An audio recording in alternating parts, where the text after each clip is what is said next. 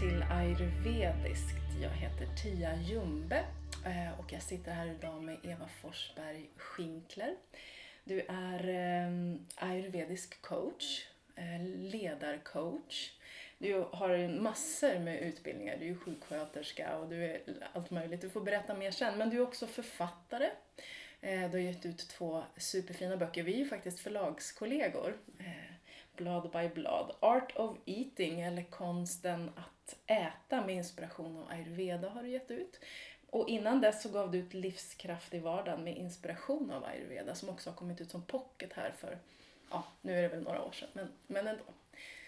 Du får gärna presentera dig själv också lite grann, Eva. Mm. Eh, jag eh, heter då Eva Forsberg Schinkler och jag började med ayurveda när jag läste till sjuksköterska.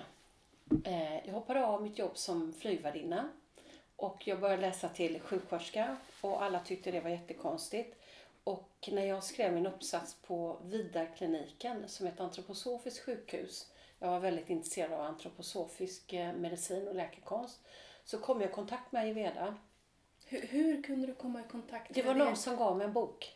Ah, vilken och bok var det? Det var, eh, eh, det var Deepak Chopras första bok som han skrev innan han hade spökskrivare. En perfekt... Eh... Nej, den hette eh, vid, eh, vid läkarvetenskapens gränser. Och det är nästan ingen som har läst den. Och den skrev han helt själv.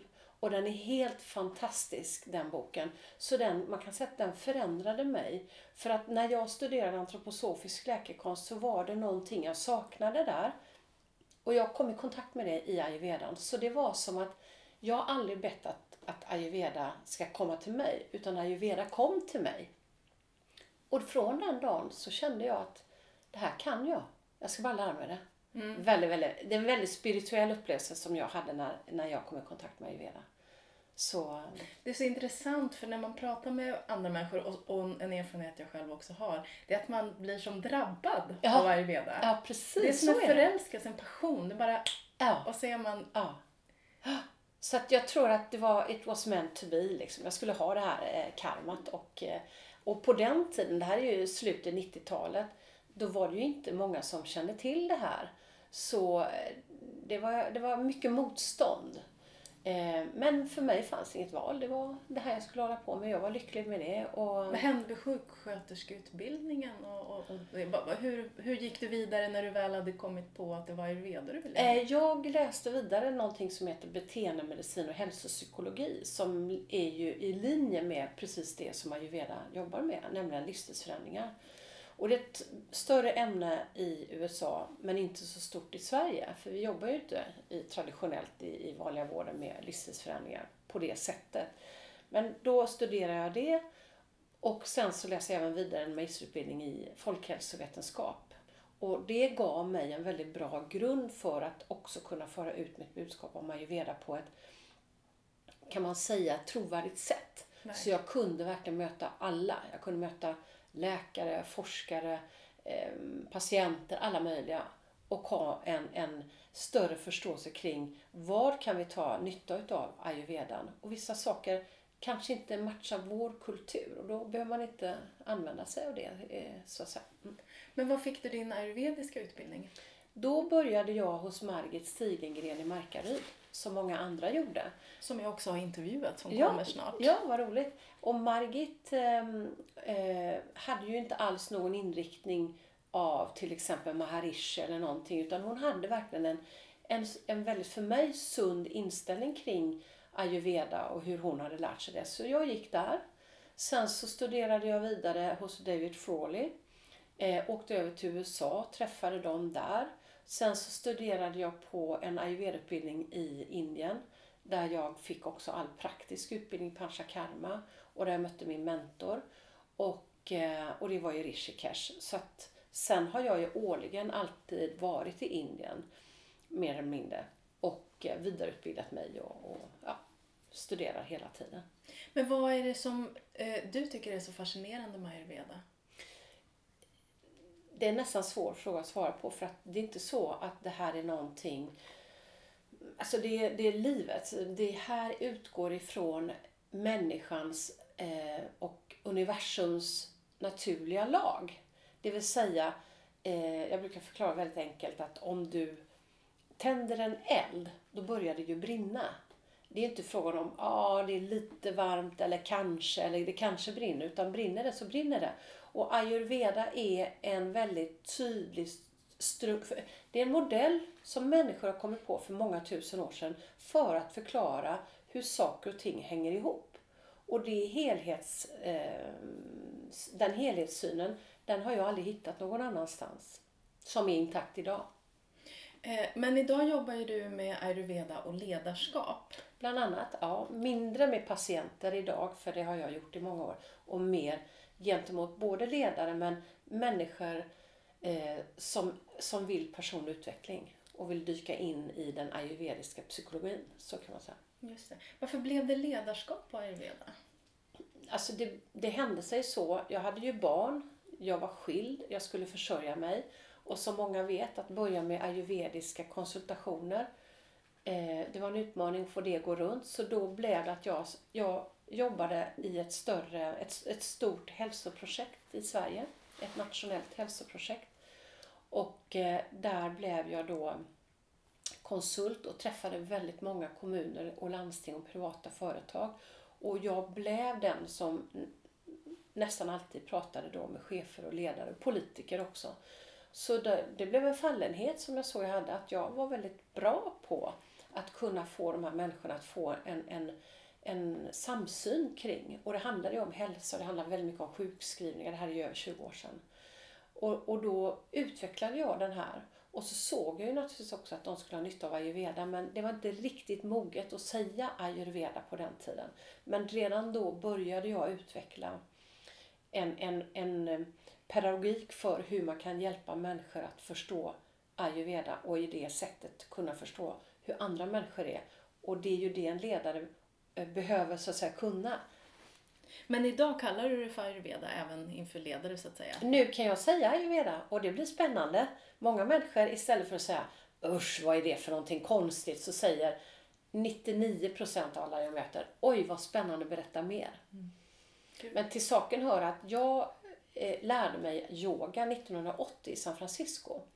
Och då var jag en eh, bruten elitgymnast som hade ont i ryggen och fick otroligt mycket hjälp av den här yogan. Och sen dess har jag hållit på med yoga, inte exakt varje dag, men i stort sett varje dag sedan 1980.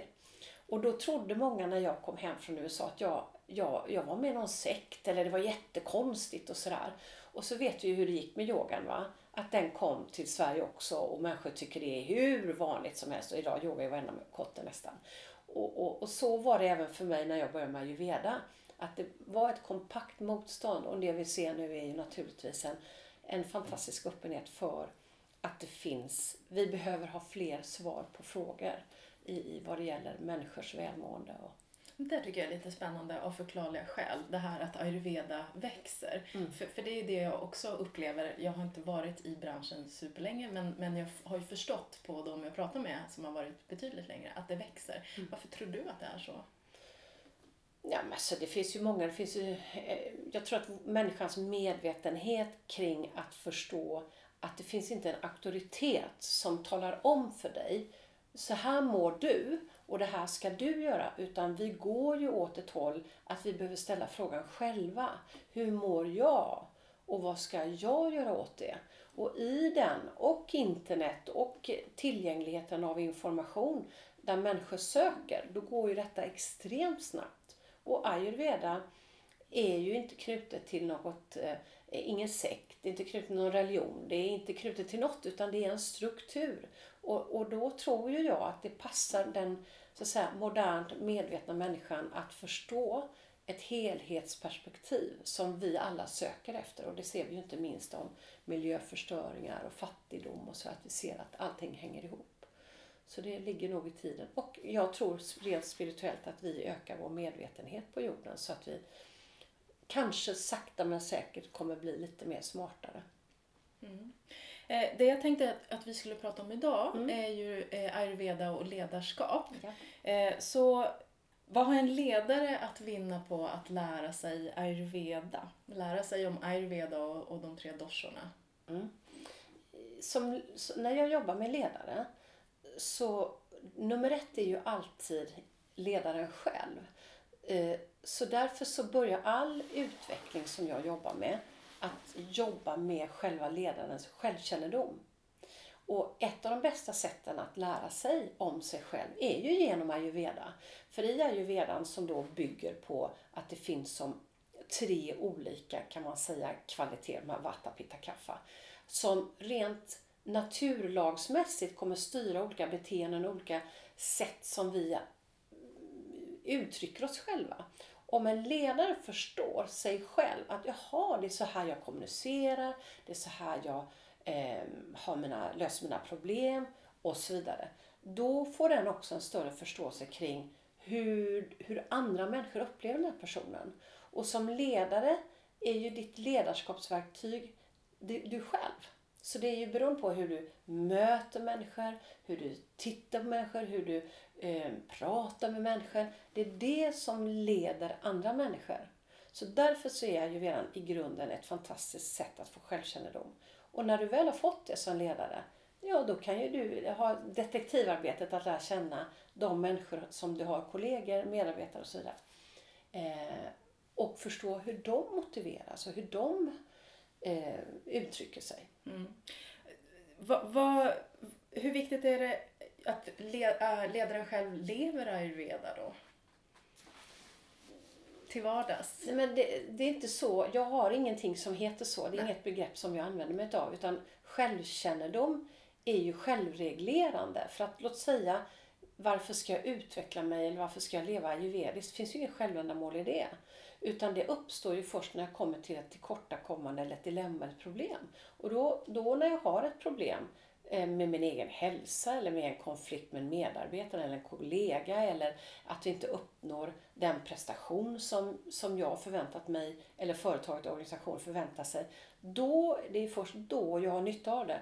Och att leva ayurvediskt är inget specifikt utifrån min synsätt utan det är att ha självkännedom och förstå som jag sår får jag skörda.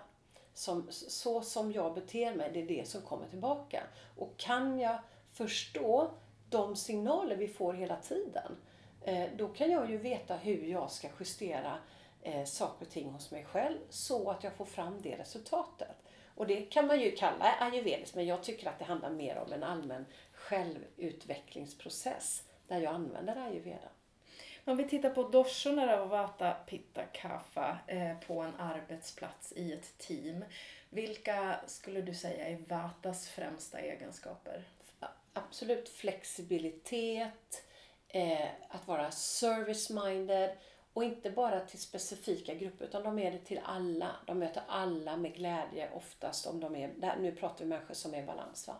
Eh, eh, upp, har ett öppet sinne, har ofta en okonventionellt sätt att lösa problem som plötsligt uppstår.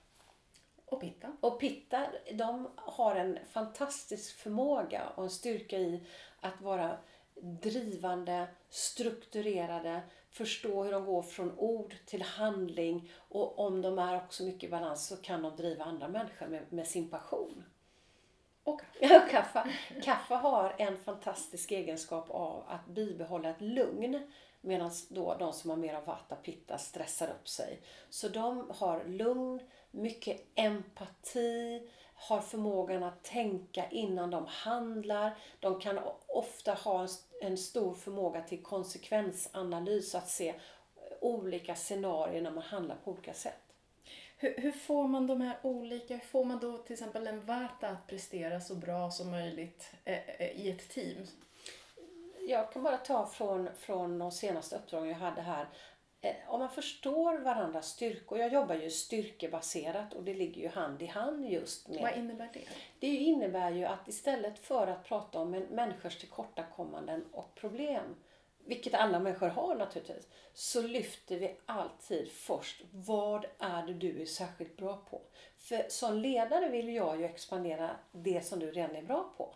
Och det vill jag att du ska expandera så du blir fantastiskt bra på det. För då kommer vi göra väldigt bra resultat i vårt team. Så om jag ständigt eh, påvisar och poängterar dina styrkor så kommer ju du jobba ännu mer med dem. För vi är ju som så att vi, vi gör bara så som vi säger själva till oss själva. Så om jag uppmärksammar mina styrkor så blir jag bättre på det. Och uppmärksammar jag som ledare ständigt dina problem, då är det det du kommer fokusera på. Och då blir det inte högre prestation än vad du förmår att göra med dina problem. Så styrkebaserat är ett av de effektivaste sätten att lyfta team från ordinärt medelmåttligt till fantastiskt framgångsrikt. Och det är precis inom elitidrott då. Som jag håller på mycket med idrottscoaching och så också. Men så att för att få en, en, en vata-person att bli mer motiverad. Det är framförallt, en, en vata-person går inte igång på att få mål eh, ständigt och jämt eh, poängterade. Utan en vata, den som har mer av vata-energi kommer vilja veta vad är ramen? För vata-personer är ju oftast väldigt kreativa och kommer på mycket bra idéer. Men den är också orolig för att göra fel. Så att om den får förlösa tyglar och gör fel, då dödar det väldigt mycket av motivationen. Så som ledare ger du inte mer ansvar till en vata än vad du ser att den klarar av att hantera. Och du följer upp mycket mer och mycket mer noggrant med en vata. För den gillar att få uppföljning. Mm. Och pitta? Pitta-personer, de går igång på eh, mål. De är väldigt målinriktade. De talar oftast om för ledaren, tala om vad det är du vill och sen fixar jag resten. Och problemet kan vara där att, en ledare släpper för löst. Man tänker att okej, okay, nu har den förstått vilka mål som gäller. Men en pitta-person har ju väldigt mycket en stark egen uppfattning och driv. Så den kan ofta justera målen till att passa dem själva bättre. Så som ledare behöver man också grunda sig mycket mer i vad är det för värderingar, vad är det för etik och moral som vi drivs mot för att uppnå då det här. Och också naturligtvis ha uppföljningar men en pitta-person kommer aldrig vilja ha lika mycket uppföljningar som en vatta-person. Va? Inte lika man, mycket styrning. Inte Nej. alls mycket styrning utan man får verkligen jobba med att se att de har förstått det, så den grundläggande värderingen i de här målen. Och kaffa då såklart. De, de, för, att, för att motivera en kaffa brukar jag säga så här. De behöver få både eh, ramarna, målen men framförallt metodik. Och det är många gånger de som frågar faktiskt frågan hur ska jag göra det här? Och den är lite o... Eh, den är inte så modern att tala om hur man ska göra utan vi tycker att människor ska komma på själva hur, hur de ska göra. Men ibland kan det vara svårare för en kaffa Speciellt om det är nya rutiner och nya sätt som man ska göra saker och ting på. Så där behöver man säkerställa att man också har någon form av eh, metodik som bär framåt så man kan stödja de här människorna. Som, eh, de behöver också ha mycket mer tid. De går inte igång på deadlines. Så att få dem att känna sig trygga, ha en metodik och hjälpa dem att driva dem framåt. Mm. Men ska eh, de respektive, eh, om man som ledare ska bygga ett team, mm. hur ska man tänka i, i ska de, de här tre olika karaktärerna, nu är, man ju, nu är vi allihopa en blandning av alla, men de här tre olika, ska de bara få det de är bra på? Ska man bara ta in dem till det de är bra på? Förstår du vad jag menar? Hur bygger man upp ett, ett bra team där man tänker på hur deras främsta kvaliteter men också hur de också kan utvecklas. Eller, ja, du förstår. Mm. Ja, det, det är precis som ett fotbollslag. Vilka sätter du, vilka fotbollsspelare sätter du på olika positioner? Du sätter ju inte en anfallare som försvarare. För en anfallare har ju den egenskapen att vara lite mer hård och driva på och så vidare, mer pitta. Medan en anfallare har andra egenskaper. Så det är självklart att, att vi vill att människor ska hamna på rätt plats i arbetslivet eller i ett team. Och då ser vi plötsligt att de kan accelerera och prestera väldigt mycket bättre. Det är ju alltid som så att när vi jobbar utifrån våra styrkor eh, som du, du är en fantastisk journalist till exempel, så kommer du i alla fall möta olika hinder på vägen. Och det är ju där du växer. Så vi kan ju säga vi, vi alla människor möter ju ständiga problem, ständiga utmaningar för att vi vill komma vidare ännu mer i de eh, styrkor med den eh, passionen vi har. Och det är där vi växer. Men det är ju som så på en arbetsplats. Jag har en fråga jag alltid ställer till eh, när jag går in och ska jobba med organisationer och team. Då intervjuar jag alla medarbetare, alla chefer, alla. Och då ställer jag frågan så här. Vilka är dina fem främsta styrkor, tycker du? Och då pratar om egenskaper. Och det kan vara eh, drivande, passionerad, eh, motiverande och så vidare. Och så har de kommit på vilka fem som är deras fem främsta styrkor. Så frågar jag så här. Hur många procent tycker du att du får använda dig av dina styrkor i ditt arbete varje dag? Mellan 0 till 100 procent. Och då är det ju intressant att om du är VD för det här bolaget och du har generellt så säger dina medarbetare 45% får de använda sina styrkor. Skulle du då vara nöjd med det? Och det är de ju inte. Det säger de alltid va. Men om de säger 80% då vet du att många av dem sitter just på den stolen som de tycker är väldigt roligt att sitta på. Om de nu sitter på. Så, och då är man på rätt plats. Mm. Och det är där vi, vi kommer alltid att se människors vilja till utveckling ligger ju faktiskt när vi håller på med någonting som är roligt. Så för mig, om man tittar på studier överlag, om man tittar på forskning och så vidare, så ska vi alltid se till att människor jobbar med det de är bra på. Men trots allt måste vi göra vissa saker som vi inte är bra på. Och de får vi bara lära oss. Men jag kommer inte bli, jag, är, jag, jag brukar ta mig själv som exempel, jag är ingen mästare på administration. Det har aldrig varit en passion för mig. Jag tycker inte det är kul. Så man kan säga att det är en absolut svaghet hos mig. Men den svagheten får ju inte bli så låg så att jag inte kan se till att hantera mina egna eh, papper i mitt eget bolag. Så, så, men jag kommer inte bli en, en mästeradministratör ändå. Men, men det här teamet, om vi återgår till det. Eh, eh, I ett projekt till exempel så är det ju oftast det är idéarbete, det, det är genomförande, slutförande och, och, leverans så att säga. Då måste alla de här delarna vara med där. Helt enkelt. Alltså både Vata Pitta Kaffas kvaliteter. Ja. ja, för de kommer ju, vi kommer ju ha, om man säger i en idéfas, där har vi, det ser man ju, de som går igång på det är ju väldigt ofta Vata-personer. För de kan tänka originellt och outside the box. Och har vi då Pitta, de kan förstå hur vi ska förverkliga det här.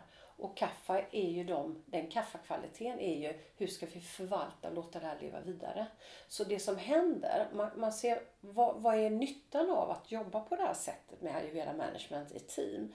Då kan man se att det, det underlättar för människor att gå bortanför sina egna begränsningar. Och, och det blir mindre Eh, problem. För det kan ju vara som så att pitta-personer, för det, ja, de behöver man alltid förstå, att de som har mer av pitta är väldigt starka och de driver. Och de kan gå över andra för att driva fram sin egen åsikt. Får alla förståelse över vilka unika egenskaper man har så kan man se att det där är inte jag så bra på, det där är du bättre på. Och släpper då fram människor, låt säga som har mer benägenhet att vara mer brainstorming och ha mer okonventionella idéer. Och, och då kan också eh, även pitta-personer eh, lugna ner sig för att eh, kunna låta det få vara. Sen kan de komma in med sin styrka om hur ska vi förverkliga det här. Och så vidare. Så det är ett sätt att också skapa med, medkänsla för varandra i teamet. Ja, det var det jag tänkte. Hur viktigt är det i organisationer där ledaren börjar få kännedom om, om det här och, de olika eh, kvaliteterna hos de olika doscherna så att säga. Och, och att även medarbetarna själva vet vilken typ de är. Det är viktigt antar jag. Ja, absolut. Och det, det som blir, jag kan säga att i det här sättet som jag arbetar på jag är ju väldigt pragmatisk. Jag ställer ju alltid frågan så här, vad ska man använda det här till? Och då blir ju många stumma för man, ja jo men det ska vi nog göra. Men det, till syvende och sist så är det i alla fall hur vi kommunicerar och pratar med varandra. Och har man då lärt sig att prata utifrån ett styrkebaserat förhållningssätt med den ayurvediska eh, kunskapen, då har vi också det som jag kallar för styrkebaserad feedback. Och då kommer vi som team kunna rikta vår feedback till varandras styrkor och se vad det är för dilemman vi, vi har för att komma vidare i de här projekten. Så att eh, allting handlar om hur bra vi kan kommunicera med varandra. Och det är en träning och det får man också träna då. Det får man ju lära om. Jag tänker att i ett team att det är bra eh, att man känner till varandra för att också öka förståelsen Mm. eh, mellan varandra. Nu, ja, varför Pitta till exempel kan agera, Precis. köra över, kan Kaffa Ja. säga men nu får du lugna dig. Ja. Eh, vi behöver inte gå så snabbt framåt. Eller, Precis. Ja. Och det, är ju, det handlar ju egentligen om, det är ju som, som vi kan kalla vad du vill, men du kan kalla för en, en, ha en empatisk förståelse för att vi är olika. Och det jag går igång på, det går inte du igång på. Och det kan också vara enkelt att få en, eh, på ett sätt få en etikett på det. Det är inte jag, det, det, är, min, det är min dosha. Ja, Det blir väl lite enklare då som Pitta så här, men, jag, Pitt, ja, men min dosha eh, har eh, Mm. ibland en tendens att köra över Mm. Mm. mig själv och andra. Ja, och det är viktigt att se att det- det som, det som är en styrkor, låt säga eh, att vara eh, kreativ, det är en styrka. Men man kan ju bli för kreativ så man blir flummig, man får ingen struktur och det är ingen ordning på någonting.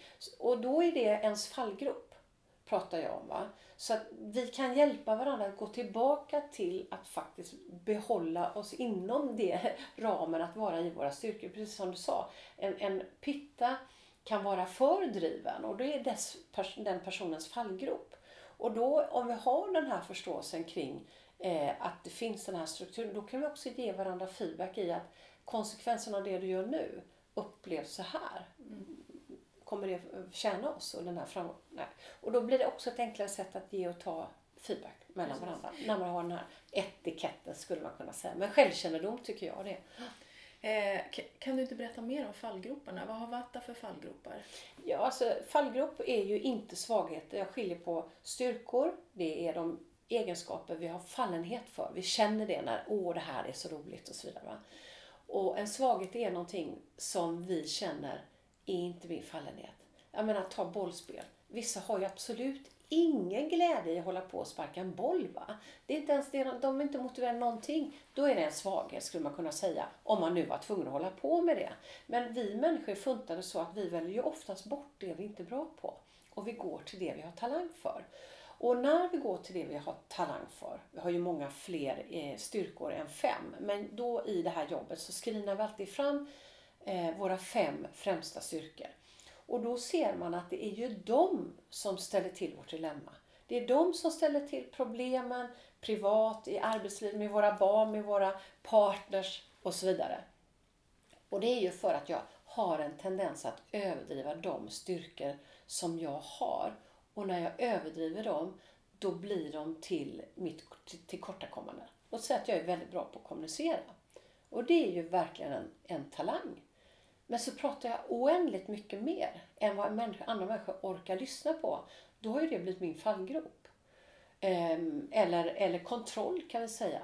Jag är jätteglad att piloter på ett flygplan har väldigt mycket talang för kontroll. Men om de ska kontrollera både eh, privatlivet och sina partner, sin partner och sina barn och så vidare, då blir ju det en fallgrop. Så att börja lära sig att förstå när är jag i mina styrkor? Och vi vet alla hur det känns, för det känns med. Vi får kraft och energi. Och så fort vi går in i våra fallgropar så känner vi, då går det emot och vi tappar energi. Så egentligen är det väldigt självreglerande det här, bara vi har tid att lyssna. Just det, du frågar mig om ayurveda. Jag ska lägga till en grej där. Ayurveda för mig är att jag lyssnar in till vad mitt sinne, min kropp försöker förmedla till mig. Och det är ayurvediskt. Det är verkligen ayurveda. Att få människor att stanna upp och bara, ja men är det här verkligen det som fungerar? Är det här bra? Eller mår jag bra på när jag gör så här? Och de fem fallgroparna för Vata blir då?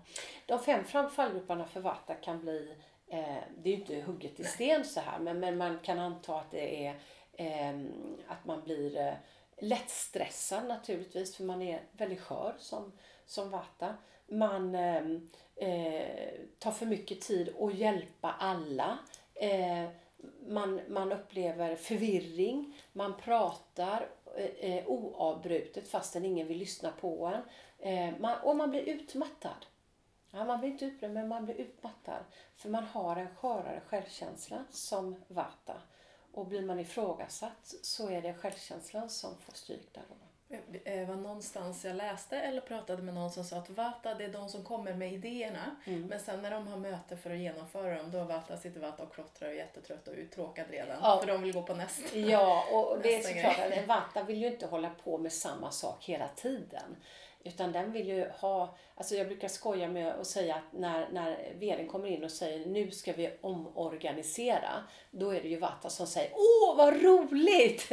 Och, och Pitta och Kaffa de tycker inte det är lika kul.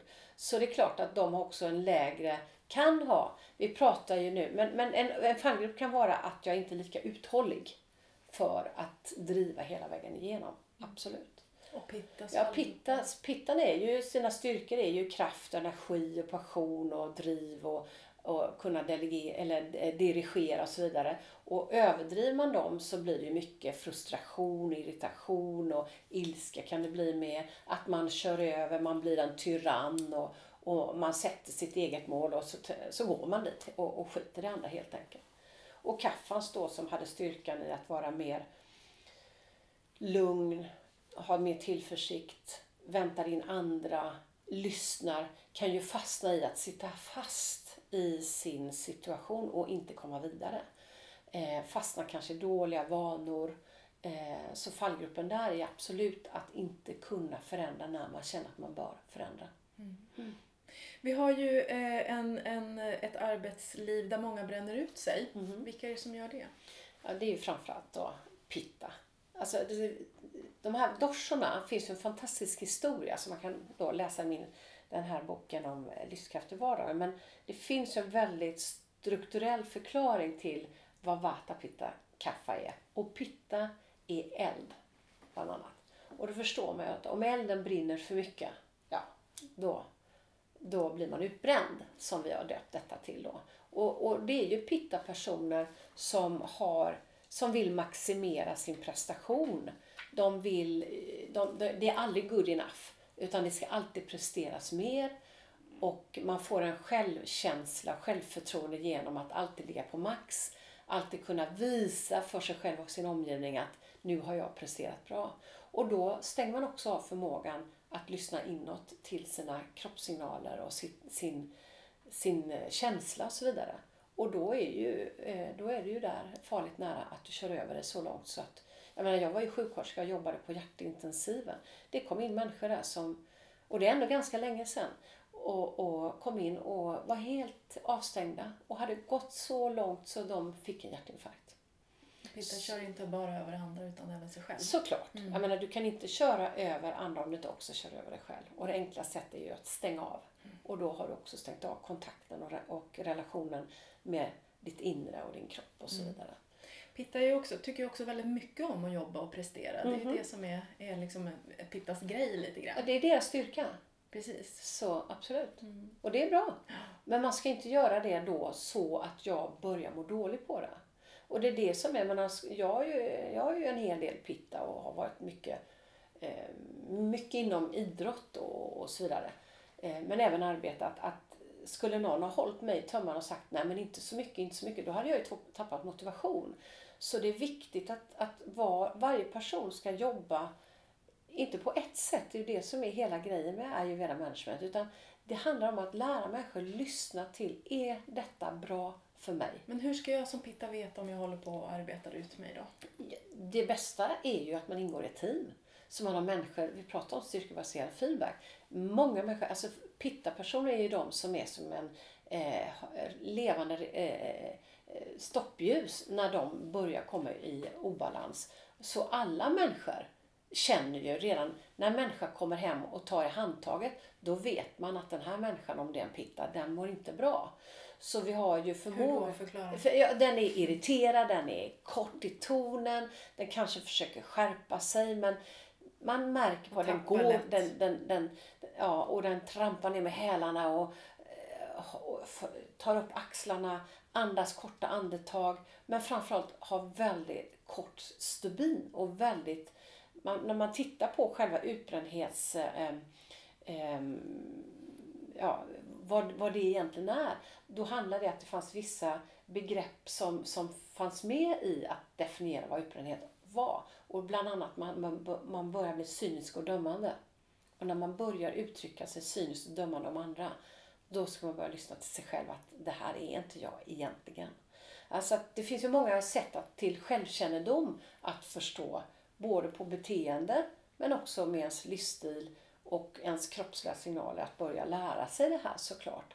Och, och jag menar, det tar ju träning det med, men att stanna upp och ta ett djupt andetag när det är stressigt, det kan alla människor göra. Och särskilt för en pitta är det ju jättebra. Om den också vänder uppmärksamheten inåt för ett mm. ögonblick. Men det är ju så, det är inga, det är inga konstigheter. Det, egentligen så kokar ju allting tillbaka till oss själva ja, förstås. Och, och som, vi, som du har sagt flera gånger, självkännedom. Mm. Att stanna upp. Problemet är ju att allt går ju så fort. Folk hinner ju knappt, eh, eller folk väljer ju att rusa på väldigt mm snabbt och mm att inte stanna upp. -hmm. Eh, det kan väl vara en av de största bristerna i, i vår värld idag. Att folk inte stannar upp och, och lyssnar inåt. Nej, och, och, egentligen är det ju inte ett problem. Utan det är bara att vi väljer att inte göra det. Nej, precis. Så det, det, är ett problem. ja, och för att det är väldigt ofta vi definierar saker och ting som problem. Men vi, vi kanske kan också se att vi har erövrat väldigt mycket bra möjligheter med eh, det vi har. Sen är det ju alltid som så att när någonting nytt kommer så blir det ju avarter och, och, och problem med det här innan vi hittar ett sätt. Hur ska jag bete mig i detta? Jag läste någonstans att eh, för hundra år sedan en, en människa, eh, vuxen människa upp till 70 år hade varit med om lika mycket intryck som ett barn är med upp till säg 15 års ålder. Har fått lika mycket. Så att, eh, det har ju skett en sån massiv förändring. Och istället för att se det som ett problem så ser jag alltid vad är styrkan med det. Och det är ju en enorm möjlighet att få så otroligt mycket information. Du kan ta reda på precis vad som helst. Men i det ligger ju också naturligtvis farliga fallgropar som vi människor eh, behöver lära oss hantera. Så det vi går igenom nu, om, och jag har ju ett synsätt som också är spirituellt. Och det betyder ju också att när vi möter dilemma, då pockar det på att jag behöver förändra. Jag behöver förändra mig. Och om vi ser nu så är det så här att vi behöver förändra vårt sätt att, att ta in alla intryck. Det är jag som trycker på en knapp om jag ska eh, googla och det är jag som bestämmer hur mycket eh, jag ska arbeta och, och när det är good enough och så vidare. Det finns ju andra som kan säga saker och ting till mig att jag borde göra saker och ting på ett visst sätt. Men till syvende och sist så handlar ju all självutveckling till att går jag med på det här? Är detta sant för mig? Och så vidare. Så att det här är en lärdom vi alla håller på att lära oss. Hur kan vi vara selektiva med vårt arbetsliv, med intryck och så vidare. Så det är väl det vi också ser att mindfulness och hela den här du frågar om ayurveda, varför det har blivit mer och mer populärt och yogan, är väl just den här eh, spirituella medveten som inte, kanske människor säger att de håller på att utveckla sig spirituellt, men vi ser ju att det pågår en självmedvetenhetsprocess i, bland många människor. Att, aha, jag behöver göra någonting för mig. Aha, det är jag som ansvarar ja. mitt liv. ja, och det, det, jag tror att allting går hand i hand här nu. Många människor vill uppmärksamma jorden och eh, jordens resurser är ändliga. Vi behöver ha ett annat synsätt på det här. Men det betyder ju inte att, att, att det är dåligt. Utan till, det pockar på att vi måste hitta ett annat sätt att leva på. Mm. Mm. Vi pratade om utbrändhet. Eh, hur kan en ledare som har pitta i sin organisation hjälpa pittan att eh, inte bränna ut sig? Ja, som, som, som ledare och chef så har ju du också ett ansvar för att se att människor mår bra på jobbet. Och jag menar, många gånger så är det ju som så att det kanske inte ens ligger på jobbet. Det kan ju vara dina egna personliga problem som skapar eh, eh, den här vägen till utbrändhet. Men det är klart att eh, som de, jobb, de som jag jobbar med, de, de ser ju möjligheten i att, att skapa en utvecklingsprocess för sina medarbetare och få ren kunskap, att börja införa styrkebaserad feedback, att börja jobba utifrån de här styrkorna Och, och förstå när, när det uppstår saker och ting, att ställa frågor.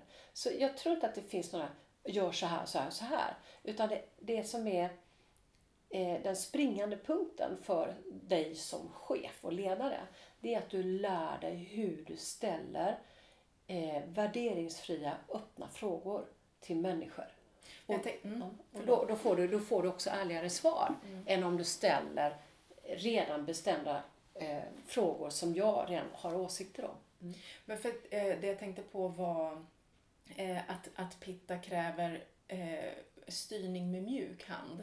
Och att det är det som är, eller att man inte styr stenhårt, att det kan vara eh, en utmaning då att också hålla koll på pitta när den håller på att bränna ut sig. Fast jag håller inte med där. Jag, det finns ett talesätt i ayurvedan som säger så här att en vata behandlar man som en ömtålig ros.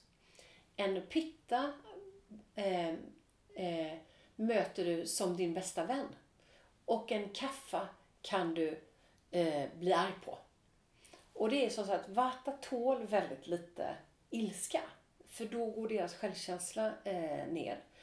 Eh, en pitta tål ju väldigt lite motargument, eh, inte motargument, men, men att någon påstår någonting som inte finns i deras uppfattningsvärld.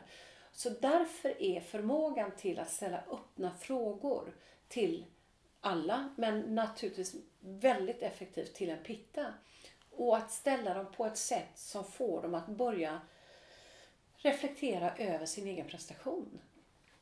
Så eh, självkännedom, absolut. Att, att ge medarbetarna självkännedom om sig själva, förstå sig kring eh, styrkor och fallgropar. Och också vara uppmärksam och ställa frågor. När du kommer ut och pratar med, med ledare och chefer runt om, vilka delar, alltså hur mycket berättar du om ayurveda historiskt och, och så? Eh, till en början inte alls kan man Nej. säga. För jag har inget självändamål med ayurveda. För, för, för mig, där är man ju olika hur man jobbar med saker och ting. Men i hela mitt liv med det jag alltid har hållit på med. Jag har ju varit seglare och på kappseglar mycket och skidåkare och så vidare. Jag är ju väldigt pragmatisk. Jag ställer mig alltid frågan, kan jag ha användning av detta? Och det tycker jag alla människor ska göra. Jag tycker inte man håller på med någonting som inte fyller ett syfte för dig själv. För då är inte, du äger inte det då. Utan jag är pragmatisk. Jag lär ut någonting eh, som förhoppningsvis människor som går därifrån kan säga, jag kan använda det här direkt. För de flesta blir ju väldigt nyfikna på när någonting funkar direkt. Som blir positivt. Och då växer det ju. Och där kommer historien. Och då är vi inne på rätt spår. Nämligen att det fyller en funktion att berätta om ayurveda. Och alltså hela den här eh, forskningen kring styrkebaserat. Som inte har med ayurveda att göra. Men ayurveda är ju så enkelt att använda styrkebaserat. Så nyfiken, jag tror att man ska väcka nyfikenhet genom att visa på pragmatiskt saker och ting som funkar. Vad skulle du säga är det vanligaste eh, vad ska man säga, utmaningen på arbetsplatser? När det gäller team och hur, hur man... Om du frågar en chef eller ledare. Ja, ur ett ledarskapsperspektiv. Ledarskap. Mm. Ja, nummer ett är alltid hur ska jag öka motivation hos mina medarbetare? Alltid det. Det är den vanligaste Absolut. utmaningen. Ja, för att du, många har ju en bristfällig förståelse för hur man motiverar. För de flesta ledare är ju pitta. Och då tänker de ju att alla är intresserade av mål och driva. Men har man då människor som inte drivs av att ständigt få den här målformuleringen framför sig, då kan ju det bli väldigt demotiverande för andra människor då i det här teamet. Och då vet de ju inte hur de ska motivera de här. Och i det växer ju också mycket konflikter. Så konflikter är ju eh, det största hindret. Mellan... Eh, Mellan eh, ledaren och medarbetarna eller mellan medarbetare som, inte, som har bristande förståelse kring eh, hur, hur man jobbar effektivt i ett team och hur man hjälper varandra att lyfta varandra till att höja prestationen.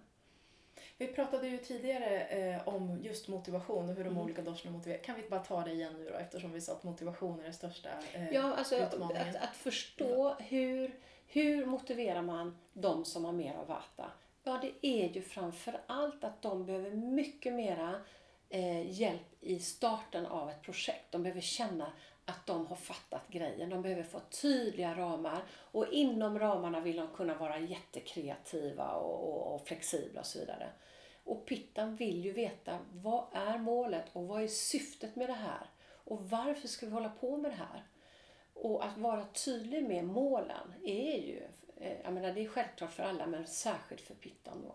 Och Kaffa är ju att få metodik, att få förståelse kring hur tar jag nästa steg? Vad är det? Att ha, dead, inte deadlines, men uppföljningar, regelbundna uppföljningar för Kaffa kommer vara livsnödvändigt för dem så att de känner att de hinner med. För de går inte igång på att sätta en deadline utan de behöver ha uppföljning och metodiken. Mm. Så ramar, mål och metodik. Just så har man fångat allihopa. Mm. Fint. Mm. Eh, jag, jag, måste erkänna, jag är lite ovan att tänka just ledarskap mm. i, och ayurveda. Mm. Så är det någonting som jag inte mm. har missat sådär som du skulle vilja nämna när du... Nå, eh, eh, eh, alltså, när jag, jag, jag tror att det viktiga är när man går ut och möter, för jag menar det är många arbetsplatser, de har ju inte lärt sig ännu att det finns någonting som heter ayurveda management och vad det då eventuellt skulle innebära. Men det är ju det som jag tycker är så fantastiskt med detta. Vi pratar nu om styrkebaserade egenskaper, vi pratar om sätt att kommunicera, eh, vi pratar om sätt att driva människor på olika sätt och så vidare. Och det är ju en del av ayurveda. Den andra delen är ju vårt psykiska och fysiska välmående. Och har man då fått den här förståelsen kring sin konstitution och man börjar få olika symptom så kan man också få hjälp den vägen genom vad ska jag göra för att må bättre? Vad ska jag göra när de här symptomen kommer? Och det är ju också det, det är att ge människor kunskap och det är ju detta en ledare verkligen kan hjälpa dem. Att, att, kanske inte att en ledare behöver vara expert på detta men genom att lära sig ställa olika typer av frågor eh, riktade då Vata Pitta kaffa så, så kan vi få det ännu ännu mer självinsikt också, också omkring hur vi mår och, och så vidare. Så det, det, det är den helheten som är så intressant tycker jag. Mm. Mm. Du, eh, vi börjar närma oss slutet uh, på mina frågor. Mm. jag tänkte jag har ett par stycken kvar. För det första så undrar jag, du har skrivit två jättefina böcker. Kommer det någon till som man kan längta efter? Ja men det gör det. Ah. Ja, det är min, eh, ja det, det är det den jag går och bär på nu. Och den eh, har ett arbetsnamn. Den heter Holistisk psykologi ur ett ayurvediskt perspektiv. Wow, och som jag tar väldigt, jag tar ett helhetsgrepp och jag läser mycket eh, forskning, kvantfysik och mm, tittar mycket på begreppet biocentrism och eh, ja, den är jättespännande. Och det handlar ju om att jag vill ge en kartbeskrivning om hur egentligen vårt psyke fungerar. Så den hoppas jag kommer. Och då kommer den också komma på engelska samtidigt. Så mm -hmm. Och när kommer den? ja, jag vågar inte säga någonting än. den är på gång. Den är på gång. Då längtar vi efter det. Ja, ni får längta ett tag till. Ja. Eh, jag tänkte också eh, fråga om eh, du vill dela med dig av någon rutin, ayurvedisk rutin, morgonrutin, kvällsrutin som du gör? Mm -hmm.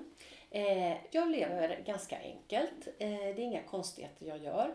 Men eh, ofta så då går jag upp eh, i tid. Jag eh, dricker ju alltid kokt varmt vatten med ingefära, citron och honung. Och så gör jag alltid min morgonyoga. Ibland morgonyogan fem minuter. Eh, ibland blir den 45 minuter.